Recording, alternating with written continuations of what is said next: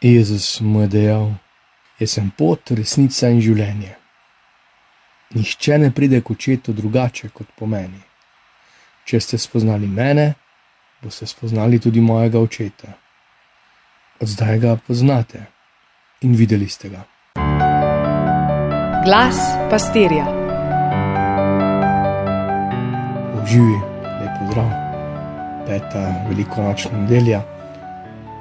Potujemo s svetočo crkvijo. Kako spodbudno se berejo vrstice, danes v poslovskih delih, tiste dni je število naraščalo. Pa malo nazaj, eh, Petrov ta revolucionarni nastop. Tisti, ki so sprejeli njegovo besedo, so se dali krstiti. In tega dne se jim je pridružilo približno 3000 ljudi. Pa še malo, par vrstic naprej.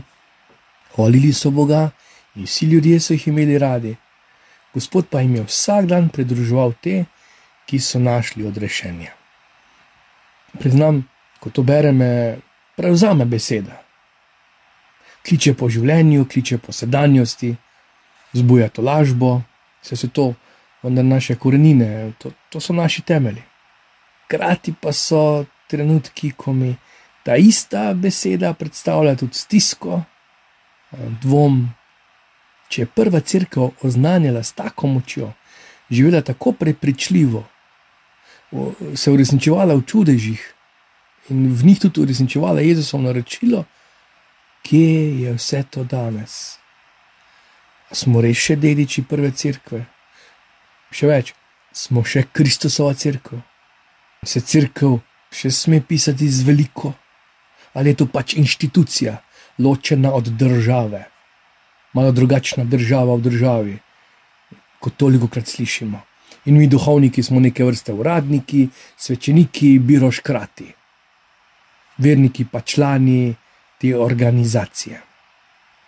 Ja, toliko krat se slišijo sive misli, pa tudi jasno izgovorjene mm, kletvice in uh, dobro premišljeni kontrargumenti, da se razumo maja in se v srce naseli dvom ki se pomakne više, nastane skrb in tesnoba, in, in se zasliši Jezusovo naročilo, njegov ukaz, nežno, pa vendar odločno. Kot takrat, ko je zapreti v viharju in morju, v tihni miruji. Tokrat tako zdravilno pravi: Vaše srce naj se ne vznemirja. To je prav ta njegov način. Pride pri zaprtih vratih in pravi: Ne bojte se pele jih v puščavo in za njim množico in jim reče: Dajte jim vi jesti. Gre po vodi, pa reče: Hodite za menoj. Zato Tomaš, ta naš Tomaš, pa Gospod, mi vse znemirjamo. Ti odhajaš, tako praviš, in ne vemo, kam greš, kako bi mogli vedeti za pot. Gospod, hvala ti za Tomaža. V šoli sem se tako zadrževal, kot kakšna sošolka, tik pred koncem ure učiteljici postavila kakšno dodatno vprašanje. No, pa ne bo prej konca ure. Ali, a danes ne bo domače naloge? In seveda nam je učiteljica hvaležno dala z vrhano mere. In to imaš tu razpreda. Se vprašamo, kaj počne Janes? A je molo rožni venc? Kaj dela Peter? Je šel pomiriti nov talar? Kaj dela Jakob in Andrej in Filip? Filip je pri stvari ga je Tomaš opogumil. Pa se tudi ostali, tu so, vse so tu.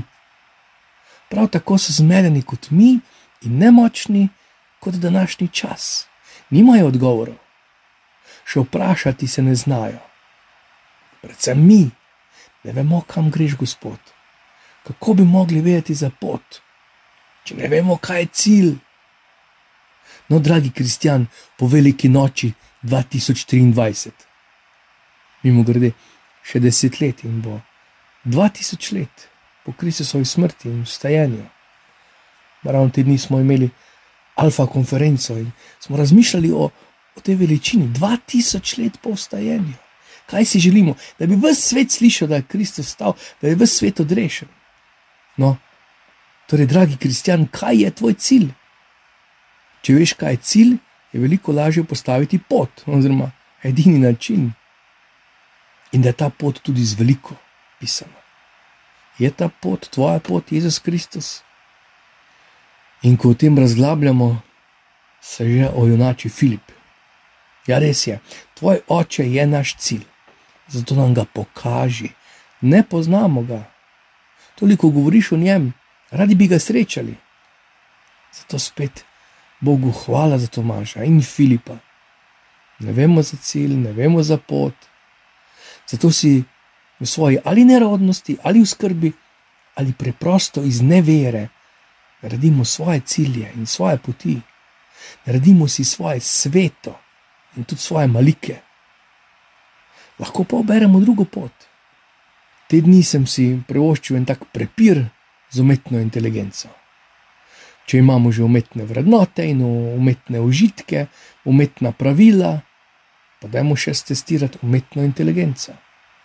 Naštej mi, prosim, nekaj najverjetnejših znanstvenih teorij o nastanku vsega. Pa je začela. Zelo previdno, pa vljudno, ampak hitro smo prišli na teorijo o velikem poku. Izrazil sem pomisleke, že nad izrazom veliki pok in tudi nad krhkostjo teorije.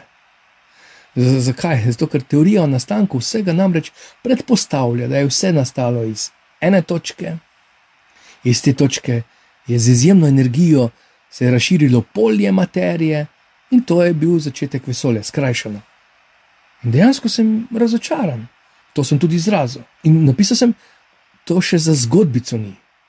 Kako lahko teorija o nastanku predpostavlja, da je bila prej točka, pa ta ogromna uh, nabitost energije in materija, in vse fizikalne in biološke in moralne zakonitosti, prav tako prostor in čas, torej kar paket vse dimenzije.